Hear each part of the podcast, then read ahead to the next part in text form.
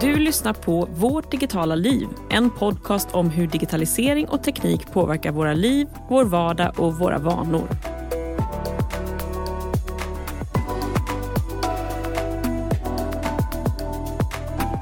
Egentligen så hade ju vi pratat om att ha ett avsnitt om metaversum som vårt nästa. Men det känns som att vi får spara det ämnet lite nu för det har ju hamnat i skymundan med allt som har hänt.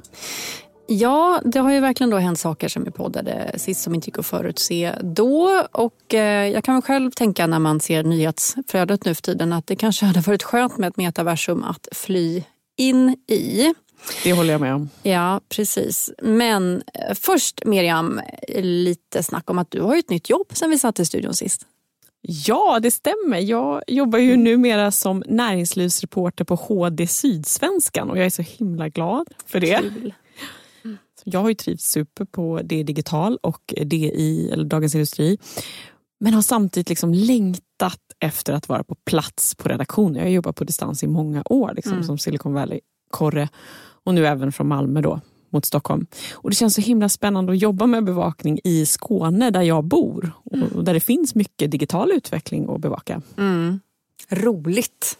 Och jag kan tänka mig att det har varit en speciell tid nu också på, på att vara på, på en redaktion när det är så stora nyhetshändelser. För jag menar, pandemin har ju knappt blåsats av till att kriget i Ukraina började. Ja, alltså det har verkligen varit eh, speciellt. Det är en upplevelse att få vara med om att hela redaktionen mobiliserar sig på det sättet. Eh, när det är ett så stort och viktigt händelseförlopp. Eh, men helst hade jag ju såklart inte velat vara med om det. Mm. Ehm, med tanke på vilket händelseförlopp det handlar om. Och min uppgift då har ju varit att bevaka kriget ur näringslivsperspektiv på olika sätt.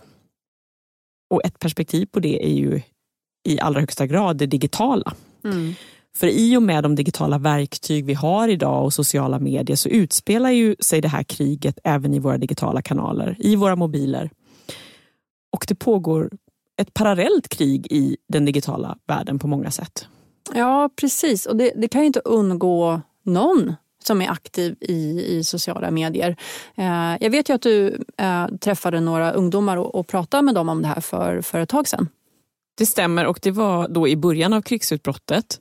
Jag träffade en grupp 16-åringar som går första året på en gymnasieskola i Malmö då och de berättade om hur de följer kriget på Instagram och TikTok. Mm. De pratade om att de hade då mycket militär i sina flöden och de, och de här medierna fungerar ju också så att när man tittar på någonting så ser algoritmen det eller så läser algoritmen av det och visar ännu mer av det innehållet. Ja, just det. Mm. Ja.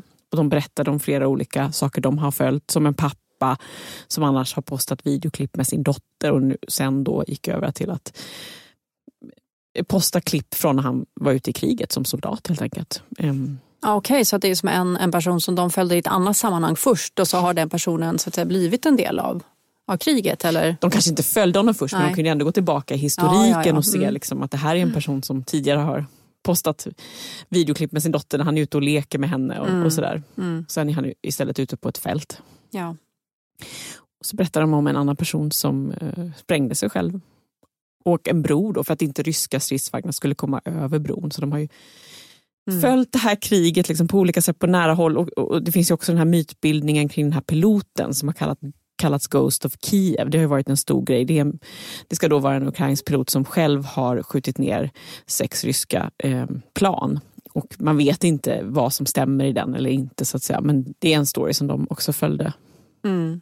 Men alltså när jag hör det här, jag tänker på, på ett par saker. Dels att det är extremt tungt innehåll Eh, att följa. Det är också ofiltrerat innehåll så, så vissa, vissa typer av bilder eller videos som en redaktion skulle eh, välja bort och visa på grund av att de är för brutala kanske går rakt igenom här också. Ja och så mm. är det ju ja. verkligen. Um, och Det är också svårt att veta vad som är sant och falskt med mm. all desinformation som också sprids. Det har ju visat sig, vissa bilder har ju varit från datorspel men många och, vi, och vi, det var någonting, någonting, också som vi pratade om i det här samtalet med källkritik och att de eh, varvade liksom med att läsa och titta på etablerad media för att verifiera olika saker och så. Men samtidigt då så pratar de om att vi, de får ju verkligen följa kriget på nära håll med allt vad det innebär med mm. de här hemska bilderna. Mm. Och, och de pratade också om att de, de hade ångest över det här. Så att säga. De, det här var ju, det är jobbigt att prata om Så de försökte också distrahera sig från det delvis.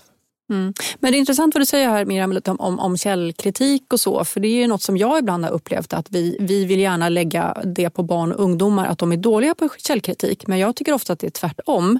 Att när man pratar med barn och unga så är ofta de mer källkritiska än, än vad vuxna är. Så det är intressant vad du säger att de så att säga lite balanserar och försöker verifiera då det de ser i sociala medier med då nyhetshändelser. Och jag håller verkligen med. Och jag, det, det, här tog de upp direkt i samtalet. Mm. Så de var mm. väldigt medvetna om det. På tal om då sociala medier och en person som ju gjort sig ett namn och en politisk position via sociala medier så är det ju faktiskt president Zelensky, eh, presidenten i, i Ukraina. Vill du säga något om, om, om, om honom i sociala medier? Ja, alltså han har ju då varit väldigt aktiv i sociala medier och visat sig. Han har ju också ökat sitt stöd under kriget och det här är ju en, det är ju en intressant person i sig. Man kan ju prata om honom. Mm. Han är ju faktiskt eh, en komiker från mm. början. Och det finns flera artiklar och liksom eh, dokumentärer om honom också, hur, hur hans position har växt fram och så. Men de här ungdomarna pratar mycket om Zelensky för de följde ju honom på olika sätt. Ja, de följde honom direkt? Ja, alltså. i sociala medier. Ja. Och de mm. var väldigt medvetna om att, liksom, att han var närvarande där. Och, mm. och allt det här som ungdomarna följer i sociala medier gör också att de har tänkt på hur det skulle vara om de själva var i ett krig i Sverige. så att säga. Mm. I och med att ungdomar i Ukraina måste rycka in mm. från deras ålder, från 16 mm. år. De ungdomarna som jag pratade med trodde inte att det skulle bli krig i Sverige men pratade ändå om hur det skulle vara. Något i stil med att ena dagen är vi och chillar på skolan, nästa dag står vi med vapen vid fronten. Ja, alltså det är väldigt surrealistiskt och det blir också väldigt närvarande när kriget utspelar sig så nära oss.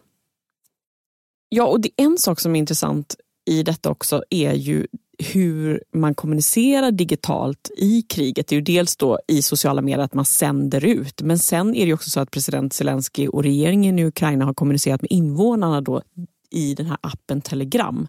Mm. Det är en krypterad meddelandeapp där man då kan starta olika kanaler och det har blivit en av de främsta informationskanalerna under kriget.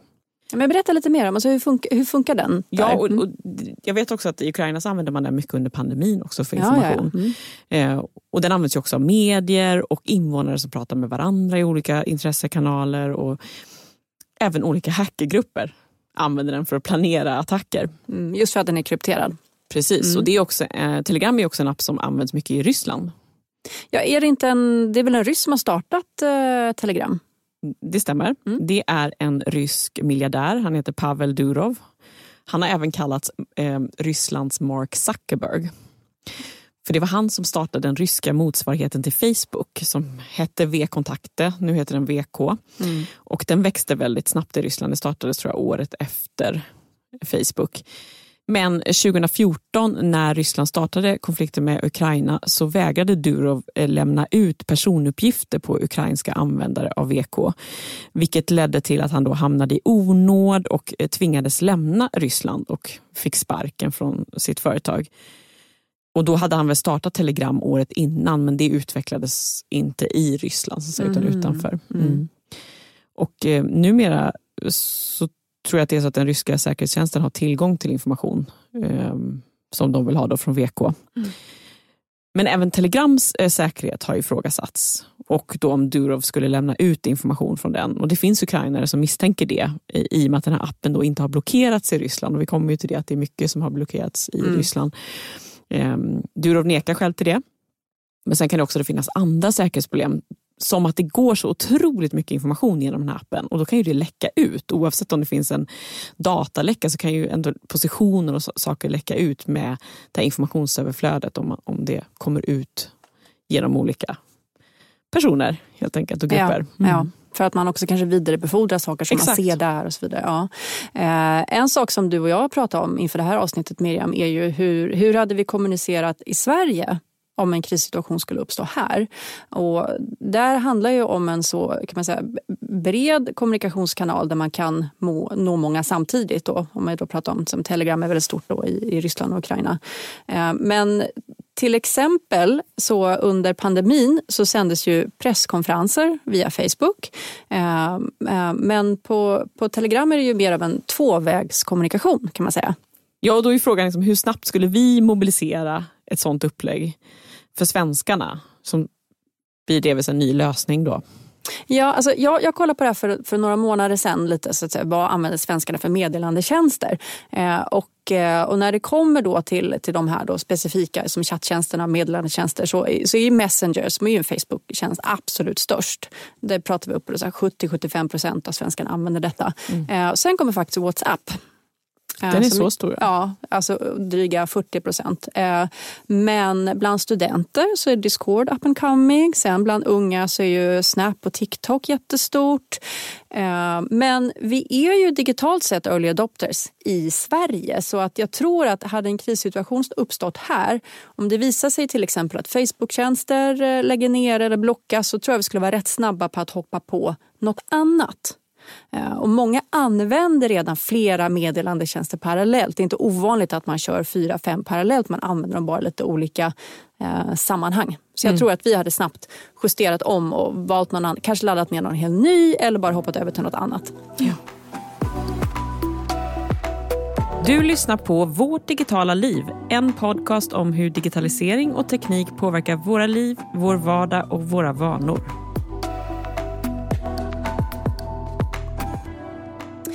Okej, okay, men om vi ska tillbaka till, till, eh, till Ryssland. Då. Du, du pratar till exempel om det sociala nätverket och VK, motsvarigheten till, till Facebook i Ryssland. Ja, och det är ju så att det finns som ett parallellt digitalt nationellt universum i Ryssland. Ja, berätta lite mer om det. Hur funkar det? Det finns nationella lika till flera stora digitala spelare i Ryssland. Till exempel då Youtube. Det är faktiskt den största sociala plattformen i Ryssland. Har ungefär 75 procent av befolkningen som använder det. Um, och den har faktiskt heller inte stängts av än så länge. Mm. Men den har en klon, eh, Rootube. Mm, heter såklart, den. Ja. Mm. Den ryska versionen då av eh, videotjänsten Youtube startades mm. 2006 och ägs sedan 2008 av det statliga ryska bolaget Gazprom Media. Ja, praktiskt, praktiskt. Mm. mm. Man får vara lite ironisk. Så till exempel då ryska statsstyrda medier som Russia Today, RT eh, mm. och nyhetsbyrån eh, Sputnik, de är väldigt stora i sociala medier. Youtube är RTs största digitala kanal. De har miljontals följare där och över 10 miljarder visningar tror jag var någon milstolpe förra året. Mm.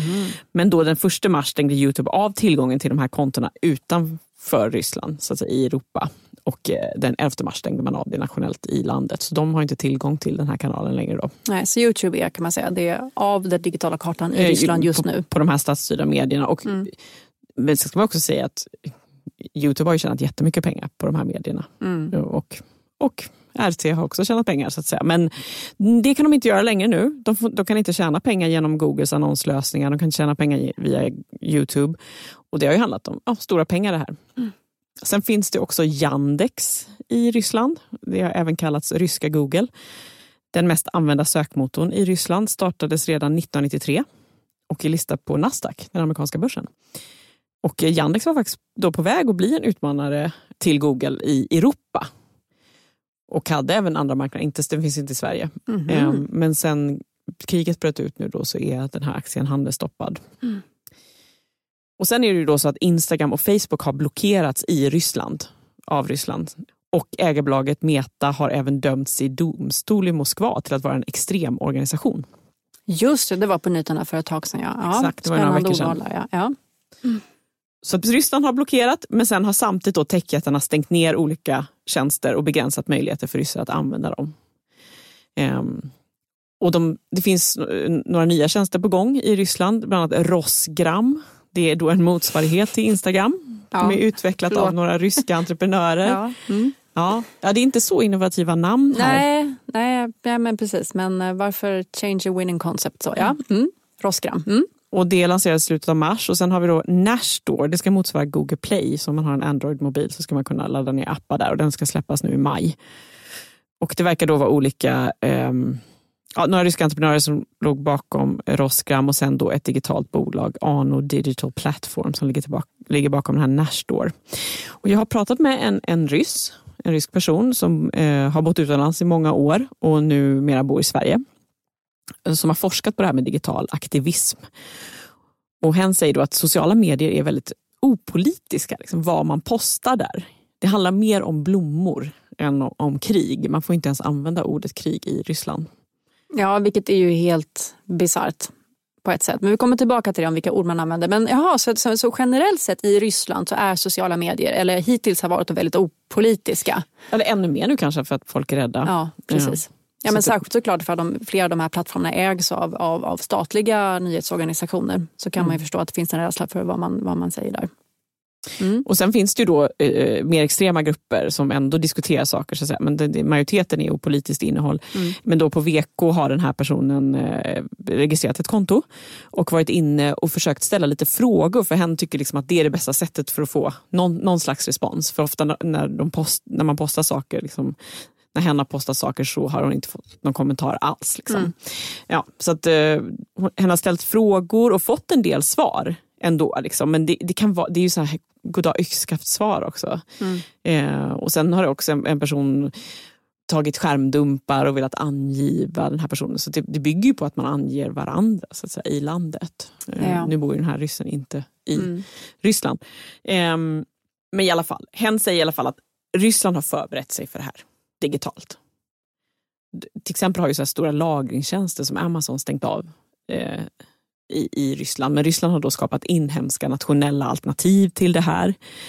Och sen är det också så att de här människorna har inte levt i en demokrati. De, är inte, de har inte vanan att tro att deras röst, om de gör sina röster hörda så spelar det roll. Liksom. Så det är frågan om vad betyder det att den här informationen stryps åt ännu mer nu? Mm. Och den här personen tror att det kanske inte betyder så mycket. Det är svårt att ändra en majoritet så att säga. Ehm, och att de här västerländska sanktionerna då utgår från våra ideal och inte de ryska. Samtidigt då liksom så resonerar den här personen kring att om det skulle vara ett informationsöverflöd så kanske det ändå skulle bita tag på något sätt. Liksom. Mm. Det har ju varit några så rätt intressanta försök till digital aktivism alltså i, på ryska tjänster där man har försökt gå in och, och liksom på något sätt gå omvägar genom att posta nyheter om kriget i Ukraina i i så här restaurangrecensioner och sådär. Man försöker hitta så andra små kryphål för att få in informationen i Ryssland. Och många sven det finns ju svenska initiativ också, starta nyheter på ryska och så vidare. Så det är ju, det är superintressant att försöka, försöka tränga igenom det här skalet då, som man uppenbarligen har förberett helt enkelt. Jag, vet, jag läste också att Bahnhof, till exempel den här svenska internetoperatören, liksom har försökt skicka in olika kanaler i Ryssland mm. med information. Ja.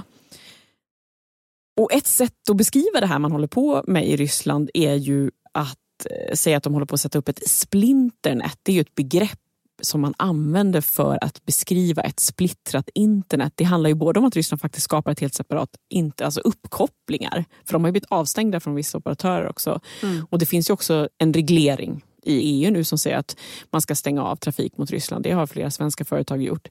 Så att, då handlar det om att de skapar det här separata internet. Det handlar både om uppkopplingen men också att man stänger av olika tjänster. Och de har gjort ett tester med ett nationellt internet sedan tidigare i Ryssland.